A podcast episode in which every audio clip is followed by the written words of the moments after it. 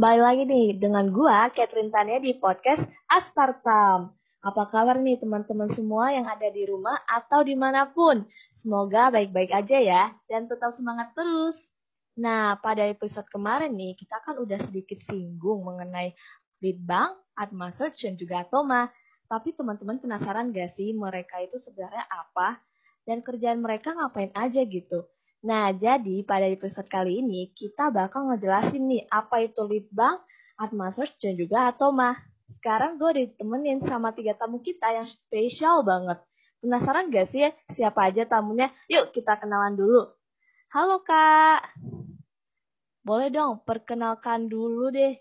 Uh, boleh dari Kak Alper, Kak Vina, dan juga Kak Natali.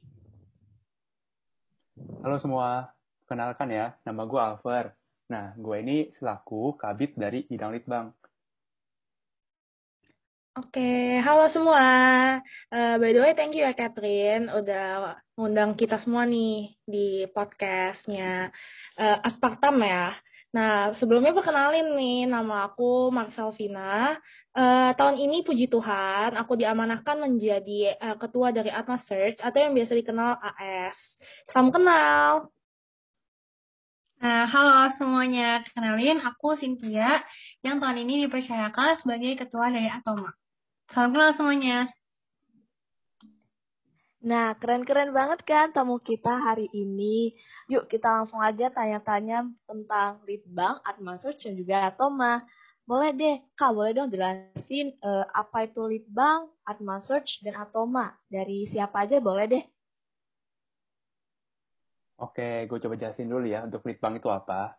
Nah, jadi litbang itu merupakan kepanjangan kependekan dari bidang penelitian dan pengembangan.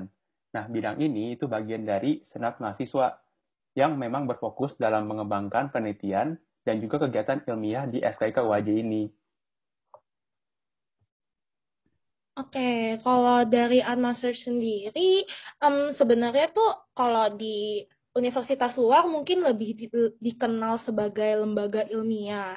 Nah, tapi Atmaster sendiri itu punya singkatan, yaitu Atmajaya Science Education and Research Council on Health. Nah, ini UPMM yang tahun ini di bawah penelitian dan pengembangan, yaitu Litbang. Oke, okay. uh, nah kalau Atmas sendiri itu adalah singkatan dari Advanced Technology of Medical Atmajaya yang merupakan satu-satunya unit pengembangan mahasiswa di FKIKWJ yang tentunya di bawah uh, senat mahasiswa itu dia sebagai uh, bidang teknologi kesehatan. Nah di sini tuh kita bahas kayak uh, bakal bahas kayak EKG, USG, X-ray, MRI. Terus di Atoma tuh juga belajar tentang penunjang karya dalam bidang kedokteran kayak software Adobe gitu, kayak buat poster edukasi, video edukasi. Kayak banyak buat lomba-lomba gitu atau buat kerjaan tugas-tugas kuliah buat ke depannya di preklinik maupun klinik. Gitu sih. Wah, keren-keren banget ya ternyata Litbang Atmasus dan juga Atoma. Nah, sekarang kita mau nanya nih Kak, eh, proker apa aja yang ada di Litbang, Atmasus, dan juga Atoma? Boleh Kak dikasih tahu deh? Oke, mungkin dari AS kali ya. Nah, kalau dari AS sendiri, uh, karena umurnya AS tuh juga udah lumayan tua sih. Udah tahun ini udah sweet seventeen jujur. Nah, prokernya makin lama makin banyak dari tahun ke tahun. Tapi udah mendekati sih ini ke angka 17. Total proker tahun ini tuh sekitar 15 lumayan kan ya banyak banget. Nah e, sebenarnya dari proker-proker itu sendiri itu dibagi ke dalam tiga divisi. Nah divisi-divisinya itu ada divisi RE atau Research, terus ada Science Education atau SE, dan juga Publication and Promotion atau PP. Nah kalau di Research sendiri itu lebih ke arah penelitian-penelitian di mana ada proker Journal Study, jadi kita belajar tentang jurnal, terus ada uh, eh, SWPT itu yang menerapkan eh, hal-hal uh, dari jurnal tersebut untuk nanti melakukan uh, karya tulis atau uh, melakukan tulisan paper lah intinya yang nanti bisa dipublikasikan. Lalu juga ada IBM. Nah, tahun ini juga dirilislah sebuah research masterclass yang di mana itu belajar pure uh, eh, KTI, terus juga pure bagaimana uh, membuat suatu penelitian dan lainnya. Nah, terus kalau berpindah ke SE nih, SE itu lebih uh, belajar mengenai edukasi dari sainsnya itu sendiri karena kan kita kalau sebagai uh, kedokteran dan farmasi itu tidak luput dari dunia pendidikan, penelitian dan pengembangan masyarakat. Nah, ada nih proker uh, pelakor itu uh, penelitian karya tulis. Nah, itu yang bakal bergabung dengan AMSA, Himaku, dan juga dengan Litbang. Lalu juga ada case study, jadi belajar studi-studi kasus, ada seminar juga yang pastinya setiap tahunnya itu bakal diadakan dan dibuka secara nasional. Lalu ada study tour, uh, yang nonton bareng mengenai uh, dunia kesehatan bersama dengan anak-anak kedokteran dan anak-anak farmasi. Lalu juga uh, tak luput ada math skill. Nah, terus yang terakhir, divisi terakhir ini ada publication and promotion. Publication and promotion lebih ke arah uh, hubungan ke masyarakatnya. Jadi ada Mediscope yang mempublikasikan segala karya dari anak-anak anggota the, uh, Atma Search. Terus juga ada uh, database, database yang di mana itu Uh, semua data-data dari satu tahun kepengurusan uh, Atma Search itu terkumpul. Juga ada sosial media, yaitu Instagram, yang bisa menghubungkan anggota-anggota uh, dari Atma Search itu keluar sehingga bisa uh, terhubung dengan lembaga-lembaga ilmiah di luar universitas. Juga ada acara hakrab makrab yang untuk meningkatkan kekeluargaan dari anggota-anggota. Dan terakhir nih, yang tentunya sekarang lagi kita jalanin, yaitu ada podcast. Nah, puji Tuhan podcast ini kita kolaborasikan juga dengan Atoma dan Litbang. Mungkin itu sih kalau dari AS cukup banyak ya, tapi ya eh, seru-seru kok prokernya. Oke, okay. kalau misalnya dari Atoma sendiri nih, nah Atoma itu uh, dia ada tiga divisi, yaitu ada TS, Technical Support, yang kedua HRD, Human Resource and Development, dan IR yang, uh, yang disebut dengan Public Relation. Nah, proker-prokernya itu apa ya? Apa aja sih? Nah, jadi dari kalau dari divisi TS itu, dia ada tiga proker, yaitu ada Radiologi Club, Hospital Visit, dan Pelatihan Programming. Di mana kalau misalnya radiologi club itu dia tuh dia uh, semacam forum diskusi kan uh, kayak diskusi mengenai sistem-sistem gitu kayak paru, jantung, penyakit-penyakit dari sisi radiologinya tentunya. Yang diawali dari penjelasan oleh dokter-dokter gitu dan diakhiri dengan ada tanya jawab. Dan radio, radiologi club ini tuh selalu diadain setiap minggunya, lebih tepatnya di hari Kamis atau Jumat itu setiap jam 5 sore. Dan kalau misalnya mengikuti radiologi club ini secara rutin, bisa dapat sertifikat juga. Terus yang kedua hospital visit, di mana uh, hospital visit itu kayak kunjungan ke rumah sakit itu secara langsung. Kalau misalnya diadakan secara offline, kayak kemarin tuh pada tahun 2019, pada sebelum zaman pandemi tuh kita uh, ke rumah sakit Apung yang kebetulan tuh lagi ada di Bewok fluid. Nah, terus tuh uh, ada juga yang ke expo gitu yang isinya alat-alat rumah sakit. Nah, tapi karena sekarang lagi jalan pandemi gini kan, jadi tuh uh, kita ngadainnya secara virtual aja yang bakal kolaborasi sama AMSAU aja nih teman-teman. Nah, itu bakal diadain di bulan September nanti dan pastinya uh, kalau ikut hospital visit ini bisa dapetin sertifikat dan juga SKP yang kita butuhin banget juga kan selama kita di kuliah ini. Terus yang ketiga adalah pelatihan programming. Nah, pelatihan programming ini tuh kayak program baru gitu di tahun ini. Di mana tuh di sini kita bakal belajar kayak gimana sih uh, kayak alat-alat medis, ini secara teknisnya, gimana sih um, menjalankan uh, ininya gitu. Di mana setelah melakukan pelatihan programming ini bakal dapat sertifikat dan juga SKP tentunya. Terus yang untuk divisi yang kedua itu HRD. Nah, HRD ini tuh ngadain yang webinar Hakrab Makrab. Di mana tuh di mana tuh webinar ini uh, ya sebenarnya sama sih kayak seminar pada umumnya. Yang diadain setiap tahunnya uh, yang bakal undang dokter-dokter yang keren-keren pokoknya yang buat bahas topik tentang kedokteran gitu.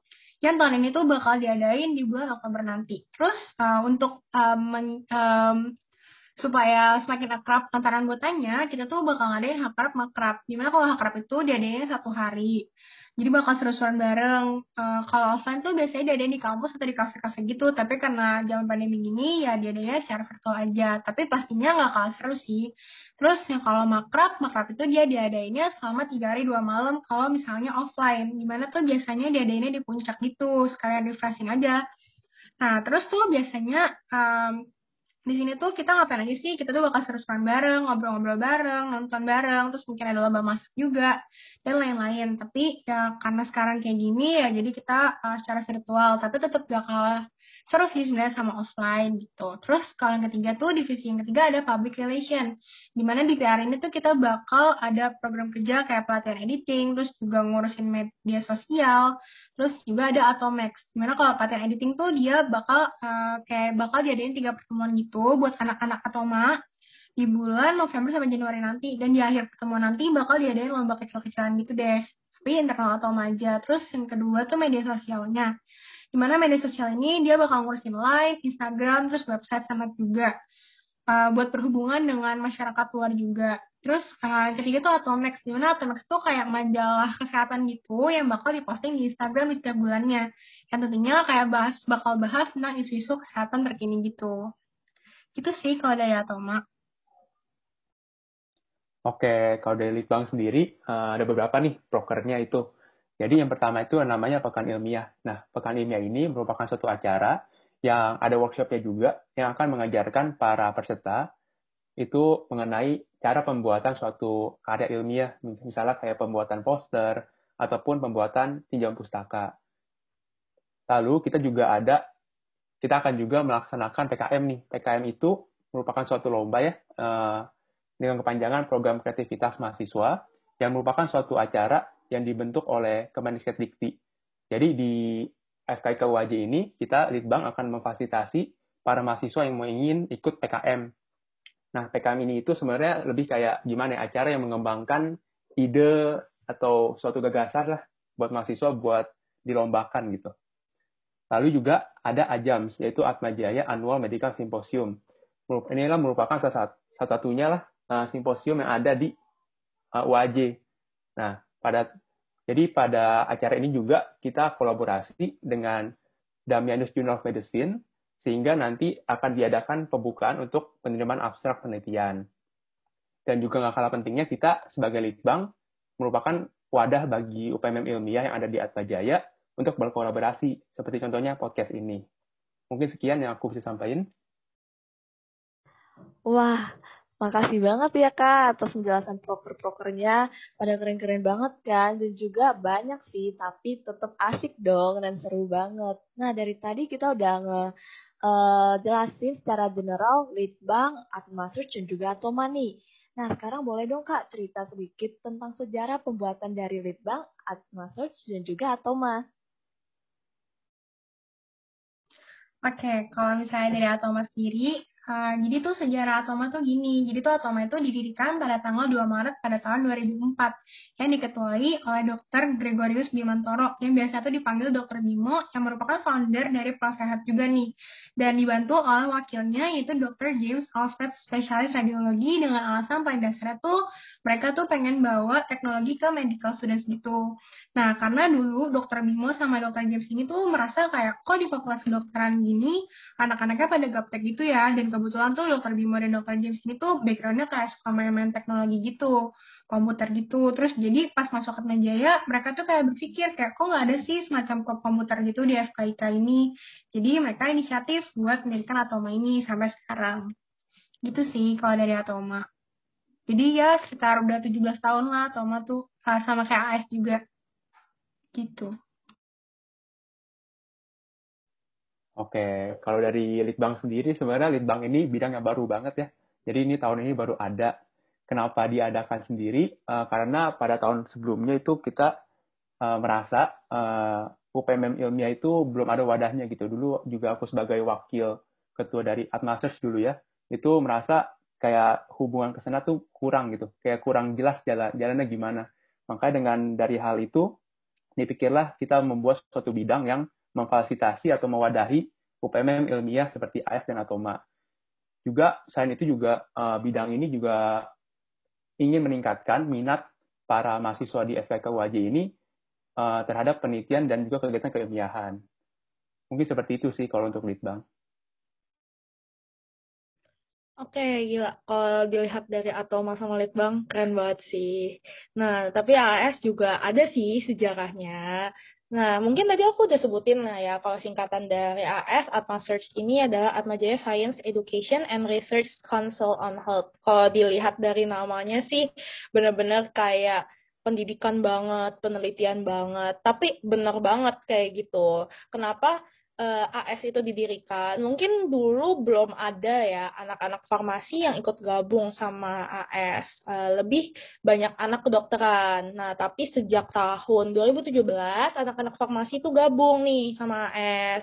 Cuman untuk sejarahnya sendiri itu AS didirikan karena uh, eh, AS ini kan ingin kalau misalnya uh, anak-anak kedokteran tuh bisa nih fokus di penelitian, di pendidikan, karena kan kita sebagai anak uh, yang di dunia kesehatan, di du dunia kumpulan kesehatan ini pasti nggak akan jauh nih sama pendidikan, penelitian, dan pengembangan masyarakat. Nah, akhirnya AS ini didirikan untuk uh, tujuannya mewadahi aspirasi, bakat, dan minat mahasiswa dari FKIKUAJ di bidang penelitian, ilmiah, dan pendidikan kedokteran. Nah, kalau untuk pendirian tanggalnya itu, AS itu didirikan 2 Maret 2004. Ada motonya juga nih, mungkin nanti kali ya dibahas uh, untuk moto-motonya biar dari Atoma sama Litbang juga nge-spoil dulu nih untuk motonya. Wah, ternyata uh, sejarah mereka oke-oke banget ya. Terus juga untuk Atma Search juga Atoma ternyata udah lama banget ya teman-teman semua. Meskipun Litbang masih baru, ya penting banget loh. Oke deh, sekarang tadi udah bahas sejarah. Sekarang kita membahas pencapaian deh. Gimana nih teman-teman? Oke, boleh dong Kak, Kak Vina jelasin apa pencapaian di Atma Search itu dan juga dilanjutin sama kakak-kakak yang lain. Oke, okay, thank you banget Kat buat kesempatannya. Nih, kalau untuk pencapaian sebenarnya jujur aku sendiri ya, kalau yang aku rasain, aku bangga banget sih sama anggota-anggotanya dari Atma Search. Karena tuh mereka tuh bisa menerapkan apa yang mereka dapetin nih dari Atma Search buat diaplikasikan uh, di dunia kedokteran mereka maupun dunia farmasi mereka. Kenapa aku bilang kayak gitu? Nah, karena mungkin dari tadi juga mungkin udah pada bosen kali ya dengan AS penelitian, pendidikan. Tapi benar, uh, apa yang dilakuin di AS ini, apa yang diajari di AS mengenai penelitian, itu tuh benar-benar diaplikasikan sama mahasiswa kedokteran. Bahkan banyak loh yang ngepublikasiin juga karya ilmiahnya. Terus juga banyak anak-anak yang ikut lomba. Dan gak sedikit yang uh, ngeraih penghargaan, bahkan banyak yang ngeraih penghargaan. Bisa dikatakan mungkin kalau dari 10 orang yang ikut lomba atau ikut penelitian, 8 eh, sampai 9-nya itu bisa membawa pulang penghargaan dan di situ aku bangga sih. Kenapa? Karena di sini kita juga yang mendapatkan penghargaan itu tetap berbagi ilmu juga sama anggota-anggota yang lainnya sehingga anggota-anggota yang lainnya pun bisa gitu turut merasakan uh, apa yang uh, kita dapatkan di AS lalu uh, apa yang orang lain dapatkan ketika mereka mendapatkan penghargaan. Mungkin lebih ke arah situ kali ya. Jadi mereka bisa mengimplementasikan proker-proker yang ada di AS lalu bisa membawa penghargaan membawa nama Atma Jaya Ah, oke, okay. kalau misalnya pencapaian dari Atoma tuh, nah jadi tuh setelah didirikan pada tahun 2004 dulu, jadi tuh tahun 2005, Atoma tuh udah mulai ngadain seminar, jadi kayak udah ngadain seminar tuh setiap tahunnya dari tahun 2005. Di mana seminar yang dikombinasi sama workshop dan pameran untuk IT medical gitu dulu. Nah, terus di tahun 2008, Atoma juga pernah ngadain simposium yang namanya Stroma. Simposium itu singkatan dari Simposium Contact Revolution and Medical. Nah, terus di tahun 2009, setelah para pendirinya ini udah mulai koas, dokter-dokter ini tuh buat perusahaan yang namanya PT Atoma Medical yang awal didirikan buat bikin edukasi kesehatan secara digital gitu sih. Nah, terus kalau misalnya akhir-akhir ini, um, kalau misalnya akhir-akhir ini itu di Atoma itu uh, ya pencapaiannya paling uh, ini sih, uh, kita tuh ngadain radio lengkap secara rutin, uh, kayak di, dari dari bilang sebelumnya juga uh, yang yang ngajarin mahasiswa-mahasiswa tentang penyakit-penyakit dari pandangan radiologinya gitu. Uh, dan gak cuma buat anak-anak atau doang sih sebenarnya. Uh, jadi kayak uh, kita tuh uh, buat wadah sebagai wadah wadah gitu buat seluruh um, mahasiswa di FKK ini. Terus juga selain itu kan ada yang ada webinar dan hospital visit juga yang uh, bakal bisa dihadirin oleh masyarakat umum juga. Gitu sih pencapaian dari Atoma. Oke, keren-keren banget nih Atoma AS ya. Kalau dari Litbang sendiri, karena memang ini tahun pertama juga ya, jadi kayak pencapaiannya memang belum banyak. Tapi memang kita sangat berharap ingin memberikan inovatif-inovatif lah bagi Atma Jaya. Jadi seperti di proker tadi jelaskan juga, kita berinisiatif untuk mengembangkan suatu proker uh, yang pertama kali ada di Atma Jaya itu simposium ya. Juga uh, mengembangkan jurnal Damianus yang dimiliki Atma Jaya. Semoga juga kita ke depannya bisa juga membantu AS sama Atoma berkembang lebih lagi nih. Karena tadi keren-keren banget, tapi tentu uh, bisa diperbaiki lagi. Mungkin seperti itu sih kalau dari Litbang. Wah, dari pencapaiannya aja udah keren-keren banget ya Litbang AS juga Atoma. Semoga ke depannya bisa lebih banyak nih pencapaiannya. Oke deh, sebelum berakhir nih, boleh dong dari AS dan Atoma, ada nggak nih slogan yang bisa disampaikan? Boleh dong Kak Vina dan juga Kak Natali. Oke, oke. Ini AS dulu atau Atoma dulu nih? Uh, AS dulu boleh. Oke, oke. Jadi jujur ya, aku nggak nggak gitu bisa sih buat ngespelnya karena ini bahasanya mungkin bahasa Latin gitu. Jadi kalau salah sorry. Tapi ada nih artinya menurut aku ya. Kalau artinya tuh bagus banget sih. Uh, jadi uh, eh, AS itu sama pendirinya sendiri, bahkan di logonya itu tertulis dengan slogan atau moto yang mungkin dari tadi juga udah pada penasaran kali ya sama motonya AS. Itu non erit medicine uh, Sine Scientisya at questionist. Nah, susah ya, agak susah. Oh ya, maaf banget nih kalau misalnya nggak bisa ngomong. Uh, saya orang Indonesia soalnya. Nah, tapi ada artinya nih, uh, yang berarti itu katanya tidak ada kedokteran tanpa ilmu pengetahuan dan penelitian. Weh. Jadi ya memang sih untuk uh, slogannya pun lebih ke arah uh, dunia rumpun kesehatan, yaitu lebih melekat ke penelitian. Oke, mungkin kalau Atoma nih gimana nih? Atoma aku juga penasaran nih sama Atoma. Uh, kalau Atoma itu gini, soalnya Atoma itu kan uh, eh, UPMM yang berlandaskan dengan kekeluargaan banget. Jadi tuh kayak Atoma tuh ibaratnya kayak rumah gitu loh. Jadi slogan kita tuh uh, Atoma rumahmu, rumahku, rumah kita bersama. Gitu slogannya. Gila, keren-keren banget ya nih. Gue bikin juga nih slogan nih buat Litbang. Iya nih, Litbang harus banget nih ada slogan Oke deh, dari AS sendiri itu emang agak susah ya, tapi artinya dalam banget ya Kak. Oke deh, makasih Kak untuk penyampaiannya. Nah, teman-teman udah tahu kan sekarang tentang siapa aja nih pendiri-pendiri podcast ini. Keren-keren banget gak sih? Pastinya iya dong. Nah, untuk next episode, juga nggak kalah seru nih topiknya. Makanya pantengin terus ya podcast kita. Jangan lupa untuk follow kita di Spotify dan juga Instagram at aspartam See you in the next episode. Bye-bye.